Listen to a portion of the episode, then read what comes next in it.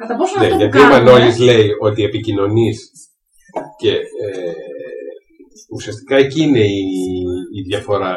Ο Μανώλης και εγώ νομίζω, λέω ότι επικοινωνείς την ώρα που εξαργυρώνει την επικοινωνία στο ταμείο του κινηματογράφου, ενώ εσύ λες επικοινωνείς από την ώρα που παίζει η μηχανή το έργο σου μέσα. Εκεί είναι όλη η διαφορά. Υπάρχει ένας κινηματογράφος, Όχι, όχι, εσύ σαν καλλιτέχνης Κάνεις επικοινωνείς συνέχεια άλματα, την πεινάς. ώρα που τρέχει η ταινία και εγώ σου λέω ότι ξέρεις πότε επικοινωνείς. Την ώρα που έχει πάει ο θεατής στο ταμείο, έχει καταδέσει τα λεφτά του και έχει μπει στην. Και έχει Αυτή είναι η σκοτώσει και διαφορά. τους άλλους θεατές και τον καλλιτέχνη και τον αυτό. Ε, Και εντάξει. Είναι δικό μου.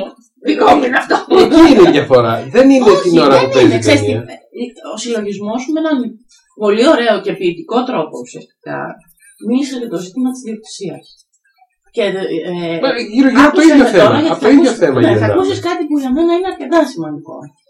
Σαν συλλογισμός αυτός, πάντοτε, όταν θέλεις να κάνεις κάτι δικό σου και δεν μπορείς σε μια μάχη, και το θάνατο του αντιπάλου. Ωραία. Όμως, ε, ε, επίσης θεωρώ ότι εδώ υπάρχει ένα φιλετικό χαρακτηριστικό. Ότι όταν αντιλαμβάνεσαι ότι μερικά πράγματα είναι κοινά, από κοινού φτιαγμένα, ε, δεν την κάνεις αυτή τη δουλειά.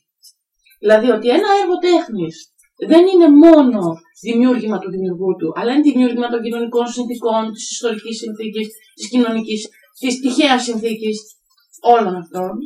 Νομίζω ότι θα συμφωνήσεις.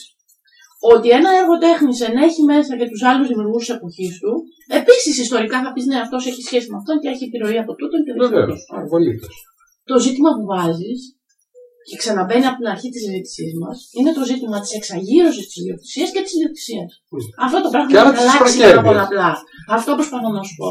Ότι πλέον είναι τόσο πολύ έντονη αυτή η πραγματικότητα, τη βιώνουμε σε πράγματα στη ζωή μας και χάνουμε τον τρόπο που αναγνώναμε μέχρι τώρα την ταυτότητά μας. Υπάρχει, υπάρχει μια ηθική εντός εισαγωγικών και μια σχροκέρδεια σε όλο αυτό το πράγμα. Πάλι βάζεις ηθικούς όρους. Δεν σου μιλάω για ηθικούς όρους. Σου Όχι, λέω πάρα εκεί πολύ είναι. απλά γιατί νομίζεις ότι ανήκεις απολύτως στον εαυτό σου; Γιατί νομίζεις ότι η έννοια της ταυτότητάς σου ταυτίζεται με την έννοια του εγώ σου έτσι πώ τον αντιλαμβάνεσαι. Δεν- Μήπως, δεν είναι μήπως αυτό. πρέπει να αρχίσεις να διευρύνεις αυτή την έννοια και να ενέχει γιατί- μέσα γιατί- ίσα ίσα. πιθανές άλλες Γιατί δεν αναγνώσεις. ταυτίζεται; Εγώ και εγώ είμαι άλλο πράγμα. Τι εννοείς; Αυτό άλλωστε νομίζω ότι θα Όχι, πολύ ίσα ίσα. καλά να σου Εγώ κάνω νομίζω- Καλύτερα από μένα. Εγώ νομίζω ότι εγώ είμαι. Πώς να σου πω, Εγώ κομμάτι. είμαι εσύ; κομμάτι βεβαίως. Και εσύ είμαι εγώ. Βεβαίως. Γιατί Στο- είμαστε στο ίδιο κοινωνικό περιβάλλον περίπου. Βεβαίως. Και στον Ε, βαθμό πάμε που ο παρακάτω. δικό σου πελάτης Είναι και πελάτης. Βεβαίως. Ωραία. Έχει δημιουργηθεί από σένα για να αγοράσει το έργο του Μανώλη. Για να αγοράσει έργα. Και να αγοράσει το έργο να σκάσει τελικά πάνω εκεί. Αλλά αυτό είναι ένα άλλο, ένα άλλο πράγμα. Δηλαδή, το, ο τρόπος με τον οποίο βγάζουμε, βγάζει ένας σύγχρονος καλλιτέχνης τα προστοζήν με Αυτό την είναι αξία του είναι ένα τελείως διαφορετικό πράγμα. Λοιπόν, Άλλο, εκεί, άλλο τι ζήτημα βάζεις τώρα. εκεί, όχι. Ξαναρωτάμε γιατί μου λες είναι θέμα Ξέρεις τι, εσχροκέρδεια. κάτσε ένα λεπτό. Εγώ Πριν δεν θεωρώ ότι είναι συζητούσαμε θέμα- για το, για, το, για το βιοπορισμό του καλλιτέχνη. Περίμενε. Συζητούσαμε για τη φύση του έργου. Για να, Ανεξάρτητα για από να το αρχίσουμε καλλιτέχνη. ξανά, Μμ. σου λέω ότι πουλάω χίλια ευρώ στη λογική και, και εξηγώ το γιατί εγώ επιμένω ότι πρέπει να κάνει χίλια ευρώ. Εγώ θα σου πω πολύ απλά, στην ιστορία που μας είπες, η ανάγκη σου να πουλήσεις το έργο και να επικοινωνήσεις λειτουργήσε πιο ισχυρά από την ανάγκη σου να, δια, να διαπραγματευτείς σκληρά τους όρους της πώλησής του.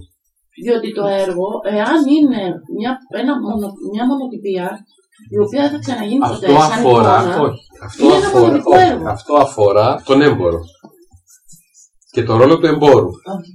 Αυτό αφορά εσένα. Και την, εσ- εσύ είσαι αυτός που θα κάνει το distribution. Εσύ είσαι αυτός που θα απευθυνθείς προς τον πελάτη σου, αγοραστή σου και θα πεις έχω πορτοκάλια, μήλα και μπανάνες. Τι θέλετε.